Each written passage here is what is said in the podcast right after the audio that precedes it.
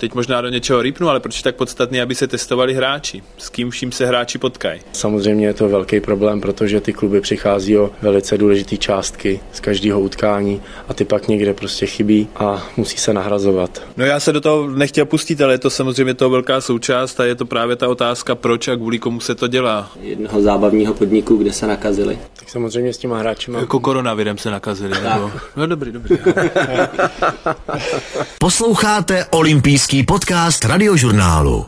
Tohle je olympijský podcast radiožurnálu, jeho dalším tématem je, za jakých podmínek by se měla, má nebo bude hrát další sportovní sezóna. Jsme tu tři a budeme se bavit trochu napříč sporty, protože tohle si týká v podstatě všech. Vítám basketbalového reprezentanta, kapitána šestého týmu na mistrovství světa loni, Pavla Pumprlu. Hezký den. Dobrý den všem. A také nového výkonného ředitele fotbalové Dukly Praha, i když vlastně před chvilkou jsme si to trošku vyměnili, protože teď sedíme ve VIP prostorách Dukly, takže Davide Šrámku, děkuji za možnost tady být. Dobrý den. No a příjemný poslech přeje Martin Charvát. Olympijský podcast. Dohraje se podle vás ta sezóna, která pro fotbalovou i basketbalovou ligu za chvilku začne? No Davide, jsem zvědavý. Já začnu. Eh, Já si myslím, že dohraje, protože jsou tady už jasně daný eh, pravidla a mechanismy, za kterých by se ta eh, sezóna měla dohrát. Vlastně soutěžní řád od LFA se rozšířil o přílohu číslo 6, kde jsou jasně popsané ty mechanismy, které by tam měly fungovat. I v případě, že by mužstva šla do karantény, i v případě, že by neměla odehraná veškerá utkání, takže k tomu, co proběhlo minulou sezónu, už si myslím, že by nemělo dojít. To je narážka na to, co se stalo Dukle, nebo k tomu, že ta sezóna zkrátka byla taková trošku nestandardní ve svém konci? Tak narážka možná na oboje. Došlo tam vlastně k tomu, že se nevědělo, jak na tu situaci reagovat. Já teda jsem situaci sledoval eh, z veliké dálky, protože jsem v tu dobu byl na cestách fázi, kde jsem se zaseknul o něco déle, než bych, než bych počítal. A podle těch veřejně dostupných informací jsme všichni viděli, jakým způsobem to dopadlo kde prostě pro Duklu to nedopadlo úplně šťastně. Kdy jste naposledy vlastně, Pavle, hrál zápas? To už je dávno, co? No začátek března. My vlastně poslední, co jsme stihli, byla odveta osmi finále ligy mistrů, kdy jsme jeli do Turecka a ve chvíli, kdy jsme odjížděli, tak nám v autobuse rozdávali roušky s tím, ale že uvidíme, jestli budou na letišti potřeba. Tam to ještě v tu dobu nikdo neřešil, takže jsme v pohodě odletěli a přiletěli zpátky. Na Češ jsme ale šli další den na trénink a to bylo vlastně poslední, kdy jsme se potkali protože rázem už, už přišlo 12. března a všichni jsme zůstali vyset doma a mysleli jsme si, že na, na pár dní a že se všechno vrátí, no a, a netrvalo díl než týden, jestli se nepletu a byla nám ukončená soutěž a, a všichni jsme zůstali vyset doma v podstatě až téměř doteď, takže už je to dlouho, no, pro všechny. Jaký to je pocit? Divný. Každopádně, tak eh, všichni víme, že nastala situace, která tady ještě nebyla, byla to docela rána z čistého nebe, teda minimálně asi pro většinu, kromě těch, kteří asi sledovali dění nějak v Číně. Ale je pravda, že všichni jsme nějak do poslední chvíle si asi mysleli, že nějakým způsobem to začne, že to je něco, co se za 14 dní, 3 týdny nějakým způsobem přežene jako, jako epidemie, tak jak, tak jak je běžně známe, co se týče třeba chřipky a nějakým způsobem se ta sezóna třeba ve zkráceném formátu dohraje. Ale jak říkám, my jsme během týdne nebo maximálně 14 dní už věděli, že se sezóna nedohraje. Nevěděli jsme, že i když jsme v té chvíli jasně vedli tabulku, jestli vlastně vyhrajeme titul, nevyhrajeme, nic se nevědělo a a pak jsme si vlastně začali říkat, aha, tak eh, tahle sezóna jasný, s tím už nikdo nějak nic dál nenadělá, ale začali jsme si klást ty otázky, kvůli kterým jsme vlastně ještě pořád dneska tady, jak, jakým způsobem se bude hrát vůbec ta, ta nadcházející. Jak moc si podle vás eh, ta sezóna ovlivní to, co bude? Eh, já myslím, že tato krize koronavirová ovlivní tu sezónu nadcházející hodně, protože ten virus tady pořád je. Vidíme, že se šíří velice rychle a vlastně po tom, co se teďka povolilo e, nenošení roušek a ty pravidla směrem k tomu omezení e, se zrušila. spíš znovu začne. Přesně tak. E, tak si myslím, že určitě budou vybíhat e, případy mezi hráči, kde ten covid test bude pozitivní. I z toho důvodu vlastně ve druhé lize my budeme řešit tyto testy každý měsíc. V první lize je to každý týden, kdy vlastně musíte mít tyhle ty testy směrem k zápasu tři dny staré. Takže i z tohohle důvodu budou ty náklady vyšší mnohem na nadcházející sezónu. Má to tedy smysl? Tři dny starý test? Protože já nevím tedy, jak to z pohledu hráče třeba Pavel bere, ale když Eh, někdo má tři dny starý test, tak to přece neznamená, že do toho zápasu se někde nenakazí. No což vlastně ani neznamená, že když bude mít jeden den starý test, tak, tak se nenakazí a no, zase se nedovedu představit, že by hráči vybíhali na hřiště a v tu chvíli by se dělali testy a, a půl by jich hrálo a půl nakonec ne v nějakým extrémním případu. A ono ještě nějakou chvíli trvá, než se vyhodnotí. Samozřejmě, no, takže nedovedu si to vlastně vůbec představit a od začátku si kladu tu otázku, nebo třeba v basketbalu a myslím si, že mnohem víc možná ještě ve fotbale. Proč je tak podstatný, teď možná do něčeho rýpnu, ale proč je tak podstatný, aby se testovali hráči? S kým vším se hráči potkají? Jo, s tím soupeřem, ano, v těch našich sportech, o kterých tady mluvíme, tak dochází k nějakému těsnému kontaktu, ale zase s kým se dál potkají ti hráči. Mně by přišlo rozhodně nepraktičtější, ale dávalo by mi větší smysl, že pokud má být sektory po 500 lidech, tak eh, by bylo fajn, aby tam nebyl nikdo nakažený a nenakazilo se dalších x desítek lidí. Tam ten kontakt je, je mnohem větší. Já rozumím tomu, že se musí nějakým způsobem určit tady tyhle pravidla, ale popravdě nedávají mi smysl i z toho pohledu, že pokud se bavíme o hráčích a z toho ne moc, co víme o tom, o tom viru, tak se dokáže vytušit, že pokud je někdo fyzicky na tom, na tom slušně a nemá další zdravotní problémy, což se u sportovců předpokládá, tak ten vliv toho viru na ten organismus není nějak extrémní. To znamená, to nejsou ty rizikoví lidi, který by se měli tomu vyhýbat. Takže spíš to vidím jakoby o tu jednu úroveň dál, aby hráči potom nepřišli domů, nepřišli do kontaktu se staršíma a podobně. A říkám, to by stejně mohlo platit a, i u těch fanoušků, takže mně to přijde celý takový jako zamotaný, ano, musí se nějaký pravidla určit, aby to, aby to bylo jasný ale samozřejmě vzhledem k těm hráčům, ale i k realizačnímu týmu a ke všem, kdo to musí, kdo to musí podstupovat, tak je ta situace hrozně nepříjemná a, a samozřejmě takový to, že aby se hráči mohli soustředit jenom na ten zápas, je v tomhle případě dost problematický, když do toho vstupují tyhle věci. Hmm. Já si myslím, že určitě Pavel má pravdu, ale na druhou stranu tyhle ty testy jsou hlavně pro eh, bezpečnost hráčů, kteří jsou na tom hřišti to samozřejmě, když tady se budeme snažit na stadionu dělat dvoumetrové odstupy, budeme všude dávat antibakteriální mídla, tak eh, tím se snažíme chránit i ty fanoušky, ale potom, když se nám ten virus dostane do kabiny, tak eh, je to velký problém. Přesně to navazuje na to, že pak bude problém dohrávat ty sezóny, ty hráči budou chodit do karantén a nebude to prostě možný tuhle tu chvíli tady proběhla velice důležitá schůzka s premiérem, kde byli zástupci Slávě, Sparty, Plzně a Liberce a dohodla se velice eh, důležitá věc, kdy eh, na základě nějakých pravidel, které budou dodržovat ty hráči během celého fungování přes týden eh, při transportech na zápasy, v kabinách a tak dále, budou v případě pozitivního testu hráči chodit pouze jednotlivě do té karantény a ne jako celý tým, jak tomu bylo do posud. No ale kde udělat tu hranici? Jestli náhodou se nebude muset testovat eh, i uklízečka, která náhodou kabinou projde? Eh, v těch pravidlech je to napsané jasně, že by měly být eh, testováni všichni, kteří projdou zónou 1, což znamená kabiny, nějaká mixzóna, hřiště, hrací plocha, takže tam jako je to nastavený takhle, ale samozřejmě vždycky je to k diskuzi a, a je potřeba tam najít nějaký kompromis. Olympijský podcast radiožurnálu. Já jsem teď viděl, že ve Švýcarsku dokonce zkoušeli, že by se hrál hokej v rouškách. Dost si nedokážu představit tedy, jak při některých eh, sportech by ty roušky jako mohly být na obličeji, tak aby to k něčemu bylo, aby vůbec mohli držet.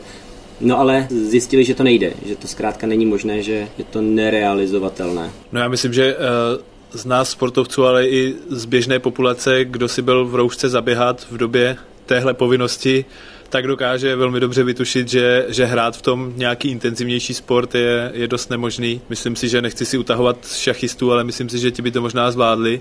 i když tam ten distanc dvou metrů okolo toho stolu asi je, ale samozřejmě v tom, kdy člověk má přesprintovat hřiště nebo přebruslit nebo cokoliv podobného a nebo nějak běhat a, a tady teď jsem vykoukl ze stadionu a viděl jsem trénovat atlety, tak pro ty samozřejmě taky vůbec je to, je to hrozný, hrozný omezení a, a samozřejmě dech je tady v tomhle dost, dost důležitý a když ho to ovlivňuje, to fakt eh, za mě asi raději nehrát, než, než muset to omezovat tímhle způsobem. Jak vlastně vadí moc, že na tom stadionu nejsou fanoušci? Chápu, že jste to ještě nemohli při basketbale zkusit, ale teď na to dojde. No ono stačí si zahrát přátelský zápas před sezónou za zavřenými dveřmi, což v podstatě je krásná ukázka toho a ta úroveň, ano, může to být trošku tím, že to je právě přátelský zápas a, a nejde, v něm, nejde v něm o body a, a o výsledek, ale člověk tam slyší každý svoje slovo a což někdy není úplně dobře, samozřejmě na tom, na tom hřišti. Člověk se pak dozví věci, které by nechtěl ani, ale, ale ta atmosféra je samozřejmě úplně, úplně jiná. Nechci to házet do takových kliše, jako že ten sport se hraje jenom pro lidi, protože tak to není, ale je to toho ohromná součást. A, a myslím si, že každý sportovec, možná i který běhal před plnými stadiony a najednou má být eh, v poloprázdné tělocvičně, tak už tam to jde znát, na tož být v podstatě v prázdné, takže podle mě to dost ztrácí, ztrácí ten význam, alespoň z pohledu toho hráče. Ano, fanoušek se může kouknout i v televizi a může to pro něj být nějakým způsobem podobný zážitek, ale pro ty hráče já si myslím, že, že to dost ztrácí jakoby ten efekt a mnohem hůř se pak motivuje do těch zápasů. Co to znamená pro klub, že tam lidé nejsou? Pro klub to znamená musíte vzít také klub. Pro kluby... Pro Duklu. Pro Duklu to za tolik neznamená, protože ty e, příjmy ze vstupního tady tak vysoký nejsou, ale když to vezmu obecně, tak e, samozřejmě je to velký problém, protože ty kluby přichází o velice důležité částky z každého utkání a ty pak někde prostě chybí a musí se nahrazovat nebo se musí škrtat a musí se mazat věci, které už v rozpočtech jsou a to vždycky je velice nepříjemný. Olympijský podcast radiožurnálu. Jak moc jste museli škrtat před touto sezónou? Museli jsme škrtat hodně a ještě nás asi nějaký škrtání čeká. Řešili jsme to s hráčema, řešili jsme to s realizačním týmem, řešíme to s partnerama. Je to prostě velice složitá situace, kdy i ty partneři, kteří na vás byli navázaný x let, tak eh, v důsledku koronaviru prostě nevyváží eh, nebo nemají stejný proces tak, jak ho měli dřív a bude to velice složitá situace, ale pracujeme ve dne v noci a věřím, že najdeme nějakou cestu, jak z toho ven. Je to i nějak zanesené v těch hráčských smlouvách, když se sezóna nedohraje nebo když odehrajeme tolik? Ty smlouvy v těch nových jsme to nějakým způsobem zatím eh, nedávali. Jestli myslíte nějakou doložku vyšší moci nebo něco takového. Něco takového, no. Já vůbec nevím, jak by to všeobecně mohlo být. Nejsem si vůbec jistý vlastně, jestli to zákonník práce umožňuje. Je to, je to velice nestandardní věc. Vím, že se nám to tam pohybuje v nějakých partnerských smlouvách, eh, ale v hráčských smlouvách to zatím nemáme a ani jsme nepřemýšleli o tom, že bychom něco takového do těch smluv dávali. Ani ve vaší nové smlouvě to tak není? Zákonník práce to umožňuje, to abych vstoupil ještě do té, do té minulé odpovědi, jelikož hráčské smlouvy u nás díky tomu, že hráči ani ve fotbale, teda pokud se něco nezměnilo v poslední době, tak ve sportu u nás všeobecně jako v jedné z mála zemí Evropy nejsme zaměstnanci, to znamená, ty smlouvy jsou vedený formou vlastně o provedení práce a v těchto typu smlouvách může si v podstatě ten klub s hráčem domluvit téměř cokoliv.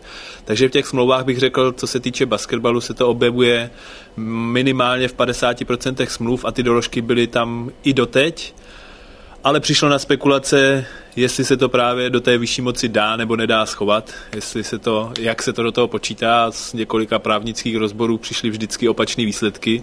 Někteří zastávali, že jednoznačně se to tam počítat dá, druhá říká, že v žádném případě ne.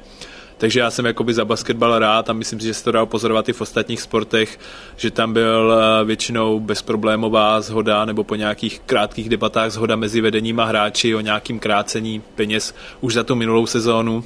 Takže věřím, že v těch smlouvách to asi nějakým způsobem zůstává, ale zase si myslím, že kdyby k tomu došlo, tak by se jednalo spíš o to, že by si zase vedení klubu a hráči sedli a nějakým způsobem se domluvili, hlavně vzhledem k tomu, jakým způsobem se ponížují právě rozpočty klubů. A abych odpověděl, tak v mé smlouvě nové to není.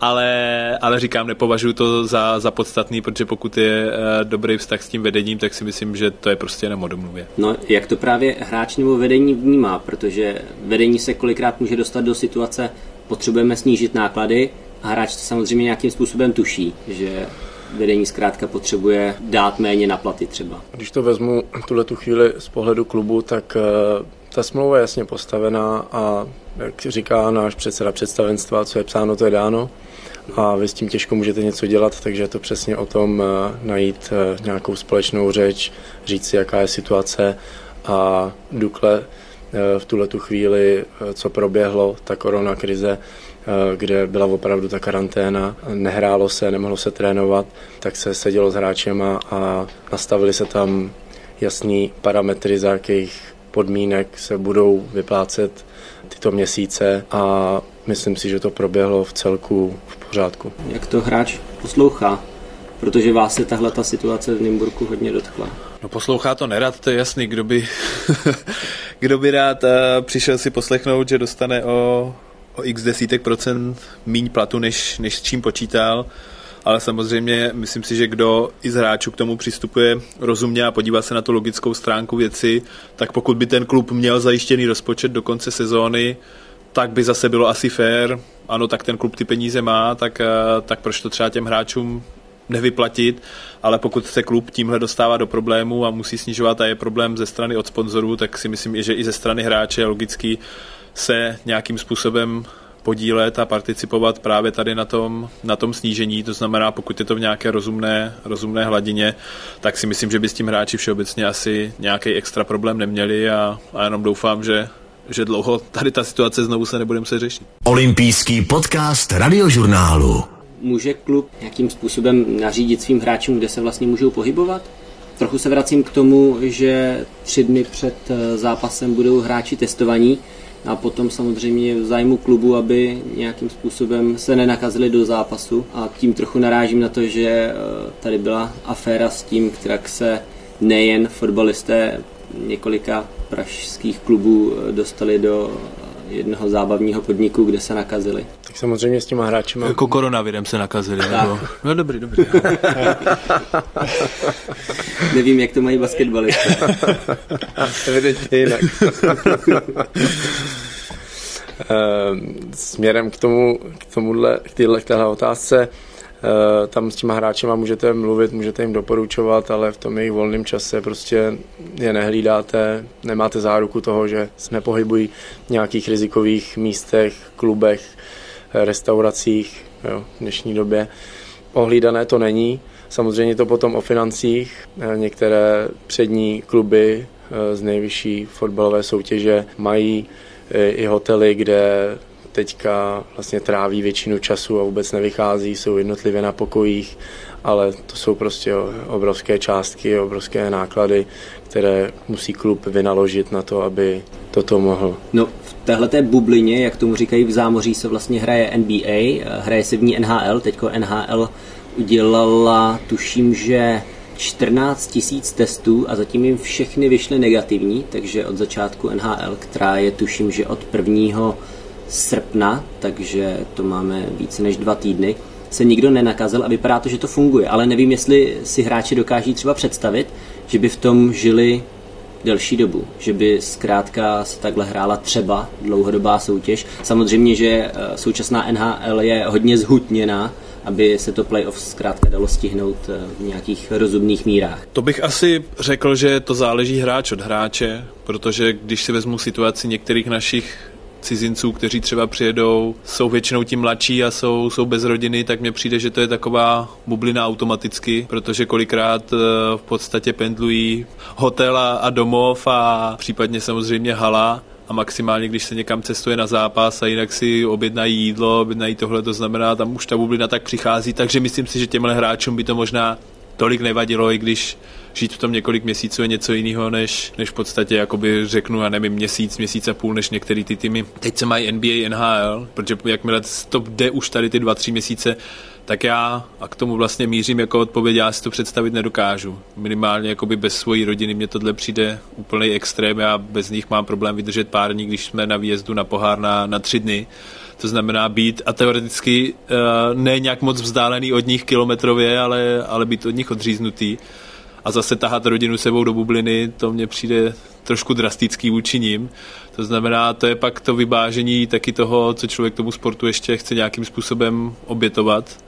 A, a říkám, já už si to asi za sebe nedovedu představit. Napadá mě právě, jestli tohle může být eh, způsob, jakým, a teď se nemusíme bavit o druhé české fotbalové, případně basketbalové lize, tak eh, jestli tohle může být způsob, jakým se teoreticky sport ve světě může ubírat jestli zkrátka sportovce do té doby, než by byla vakcína, zavírat do těchto podmínek a v nich hrát, vlastně dělat pořád tu show dokola? Pokud bude tato koronavirová krize pokračovat, eh, tak eh, to bude jedna, jedno z mála řešení, který bude možné, ale jak jsem říkal, je to obrovský nákladná věc a ne všechny kluby, ne všechny sporty si toto můžou dovolit, takže... Ale třeba blíží se olympiáda, znovu se blíží olympiáda tedy, blíží se znovu mistrovství Evropy ve fotbale, to jsou třeba akce, kdyby to teoreticky šlo, je otázkou, jestli to kvůli tomu udělat. Já si myslím, že tam zrovna na těchto těch akcích, které vy zmiňujete, jsou ty částky obrovský, takže tam by to určitě šlo udělat a myslím si, že ty vynaložené prostředky by se na to vyplatily. Že k tomu i někdo vlastně sáhne, že to je jako recept. Myslím si, že jo. No, já bych tak zamířil trošku do hloubky a položil si pak tu otázku, proč vlastně ale se ty akce teda dělají. Protože ti sportovci ano mají mít možnost toto poprat se, kdo bude nejlepší, olympiáda, ale děláme to proto, protože jim fandí několik milionů lidí, kteří by se na to rádi podívali. A pokud by se to dělalo takhle a dala by se pak už řešit vůbec regulérnost toho, jak to na koho působí a jaký to má na, na koho vliv. Je to na jednu stranu zajímavý sociální experiment, eh, jakýho sportovce to jakým způsobem ovlivní, když musí být x týdnů v bublině a jestli to někomu s tím výkonem pomůže nebo naopak ublíží ale ta otázka je, jako, jaký to potom má jakoby význam dělat to takhle trošku na sílu. A myslím si, že to byla ta otázka, kterou si lidi začali pokládat. Ano, všechen sport se stopnul a na jednu stranu bylo spousta zastánců toho, kteří říkali, tak vidíte, sport vlastně není tak úplně potřeba, ale pak se začala objevovat ta druhá stránka, která si převážila a my všichni, co máme ke sportu blízko, tak je to, tak je to jasný a vnímáme to, to je, že se ukazuje, jak moc to těm lidem chybělo a nejenom těm právě ze sportu, ale těm, těm všem okolo.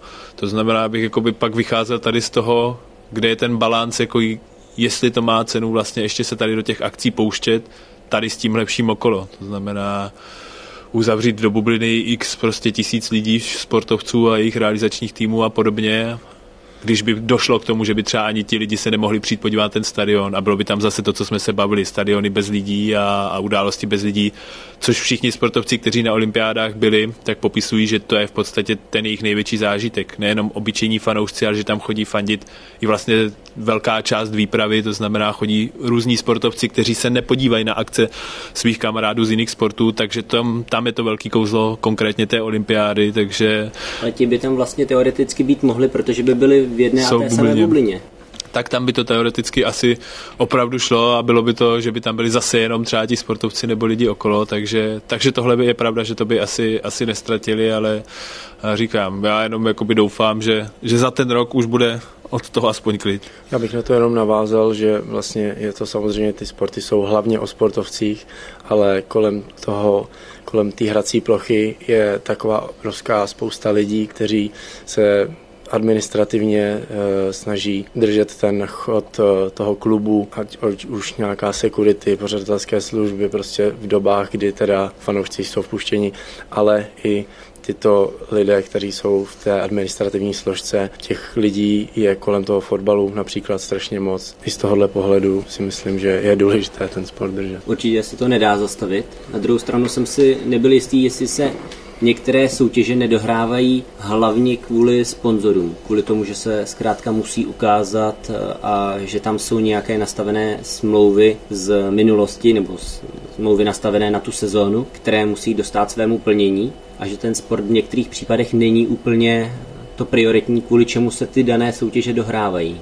No já se do toho nechtěl pustit, ale je to samozřejmě to velká součást a je to právě ta otázka, proč a kvůli komu se to dělá. Ano, olympiáda taky je o spoustě peněz, ale tam si myslím, že převažuje ta sportovní část, jelikož tam se takový množství sportovců na to připravuje na událost, která je jednou za čtyři roky Ale když vezmeme ať dohrávání NBA nebo, nebo NHL, nebo někteří si i konkrétně basketbalu stěžovali na to, že se musí dohrávat španělská nejvyšší soutěž, i když v tom hráči příliš neviděli význam, tak třeba ta NBA, což je oblast mě blízká, tak, eh, tak si myslím, že je docela jednoznačný, že to není o tom, kdo vyhraje 65. titul v historii, ale je to hodně o tom, že to fungují na televizních právech, což je jejich největší, největší příjem a samozřejmě ta, ta televize, když nemá co vysílat, tak, eh, tak nemá za co platit. To znamená, nechci nikomu křivdit, ale myslím si, že tam to bylo jako jednoznačně touhle motivací a to je právě to, stojí to za to, dělat to jenom kvůli tomu, že aby jsme vlastně měli měli dál peníze, nebo dělat to kvůli té televizi, nebo kvůli sponzorům, těžko říct. Ta provázanost je tam eh, obrovská, samozřejmě přesně jsou tam závazky ze smluv, které je potřeba dodržet. Posloucháte olympijský podcast radiožurnálu. Pojďme se podívat trošku do budoucnosti. Myslíte si, že nejvyšší česká fotbalová basketbalová soutěž, případně i ta druhá, které jsou stále braný jako profesionální, takže se nezastaví, že se bude hrát pořád dál, občas se odloží třeba jeden zápas. Já tím, že jsem teďka viděl vlastně ten soutěžní řád, kde jsou jasně nastaveny ty mechanismy, tak si nemyslím, že by se ta soutěž zastavovala. Bude tam asi docházet k posunu termínu jednotlivých zápasů podle toho, kde budou nějaký nálezy nebo nebudou nálezy. Je to teďka hodně odvozený i od toho nového jednání eh, s premiérem, kdy není potřeba teda, aby celý tým šel do karantény, když se vyskytne covid test pozitivní u jednoho z hráčů týmu, takže já si myslím, že by se sezóna měla dohrát standardně a s jasnými pravidly. Co je teď tu největší brzdou? Šlo o to, že se snížila doba karantény, šlo o to, nebo je návrh na snížení doby karantény, nebo šlo o to, že nemusí celý tým do té karantény? Já si myslím, že největší brzdou bylo určitě to, že celý tým v případě jednoho pozitivního testu musel do karantény. To je prostě obrovské, obrovský zásah, který nenahradíte, nemůžete tam dát B tým, prostě v tu chvíli to, ta soutěž není regulérní. Ale v tomhle případě, jak je to nastavený teďka, když se dodrží ty pravidla, tak je to, jak kdyby se vám hráč zranil a ještě je to takový když to řeknu v vozdovkách lepší zranění, protože víte, že do deseti dní by měl být v pořádku až vyjde z karantény a není to třeba, nevím, utržený křížový vaz, kde, kde toho hráče máte na 6 měsíců, stoprocentně mimo hru. Když se podíváme ještě trošku dál do budoucnosti a dejme tomu, že by Dukla na tom byla hodně dobře po konci sezóny druhé ligy, myslíte si, že už se nebude opakovat to, co se opakovalo letos v létě, kdy Dukla tím, jak skončila fotbalová liga, nepostoupila do nejvyšší soutěže, přestože to tam bylo s velkou šancí, že půjde výš? Věřím tomu, že ne. A to na základě jasných pravidel, které se teďka stanovily, kdy ty soutěže se dohrají ať už se na konci vypočítají nějaké koeficienty, nebo se to bude řešit nějakým způsobem dohrávání zápasů v jiných termínech, tak ta soutěž má teďka jasný pravidla, kde i za té možnosti, že nebudou odehrané všechny utkání, tak se vypočítá jasná tabulka. Na konci prostě první, druhé ligy bude stoprocentně postupovat. Vlastně na procenta je basketbal zvyklý. NBA se to počítá naprosto běžně, že se ukáže na základě procentuálního počtu výher, kolikátý je tým v té dané tabulce, takže pro basketbal tam vlastně žádná velká změna není, ne? Tam samozřejmě akorát, pokud by do toho vstupovalo to, že by se nedohrály nějaký zápasy, tak pro některé týmy to může být výhodněji, vzhledem k tomu, že třeba se spotkalo se soupeři ze spodku tabulky a nehrálo s těmi silnějšími, to znamená oproti jinému týmu, který to mohl mít opačně, tak, tak měli, jak se říká, lehčí nebo naopak těžší,